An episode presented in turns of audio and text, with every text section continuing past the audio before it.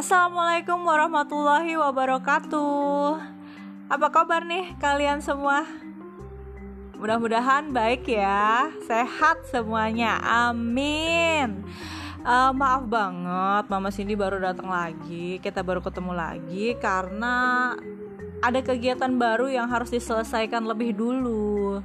Tapi Mama tetap nulis kok, tenang aja. Nah, hari ini Mama akan membawakan satu dongeng dengan judul baru yaitu Kerajaan Zoria.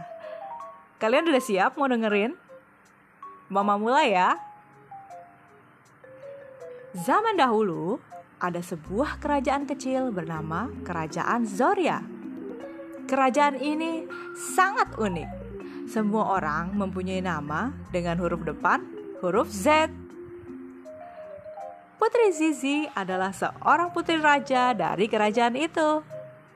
Ayahnya adalah Raja Zola dan ibunya adalah Ratu Zia. Sang putri sekarang berusia 10 tahun. Dia adalah anak yang tegas dan juga pemberani. Kadangkala sikapnya malah lebih mirip seperti anak laki-laki karena dia lebih suka bermain di luar ruangan. Padahal di kamarnya banyak sekali loh boneka-boneka cantik dambaan setiap anak perempuan. Tapi dia lebih suka bermain bola dan latihan memanah di luar ruangan. Hidupnya sebagai putri raja sudah pasti sangat mewah. Semua kebutuhannya terpenuhi dan pakaiannya bagus-bagus, makanannya juga sangat lezat, rumah yang besar dan indah. Selain itu, banyak sekali pelayan kerajaan yang siap sedia membantu dan menemaninya. Salah satu pelayan yang selalu ada di sisinya adalah Nona Zuo. Dia masih muda, cekaketan, dan wajahnya ramah, lalu sifatnya sangat penyayang.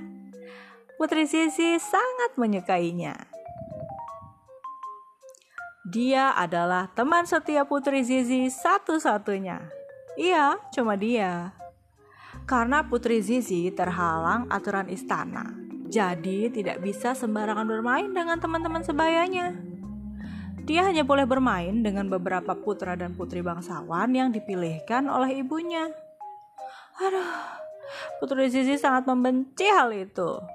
Dia sebenarnya ingin sekali bermain dengan banyak teman sebaya dari mana pun.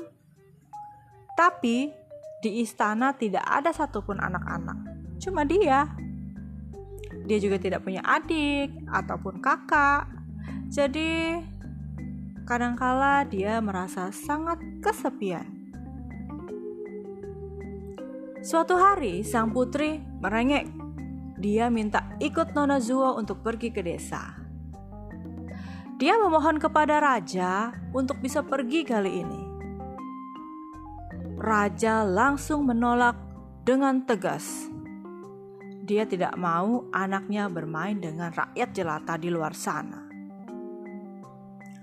Putri Zizi ternyata adalah anak yang pemberontak.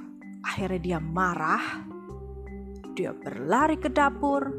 Dia menangis lalu membanting pintu. Bra!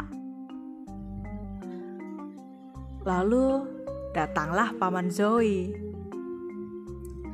Dia adalah kepala koki di istana itu.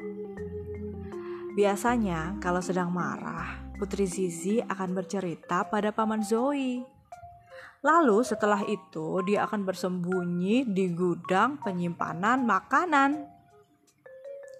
Biasanya dia akan di situ sampai hatinya tenang. Dan kali ini juga begitu.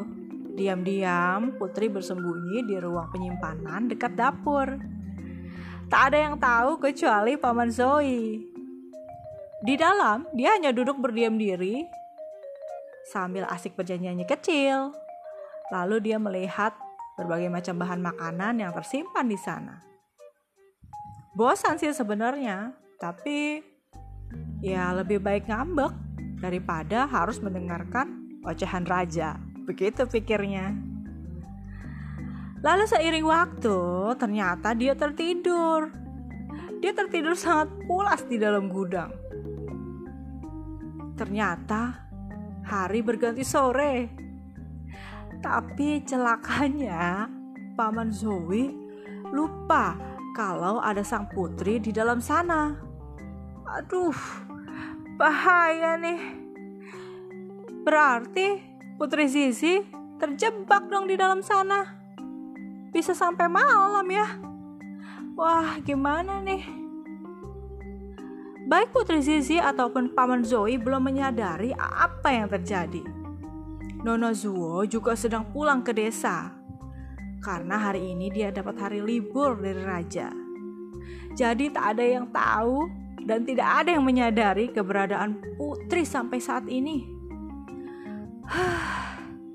Lalu, Paman Zoe karena saking lelahnya dia bekerja, langsung masuk ke kamarnya dan tertidur pulas setelah mandi. Ya ampun, gimana nih nasib Putri Zizi di dalam sana?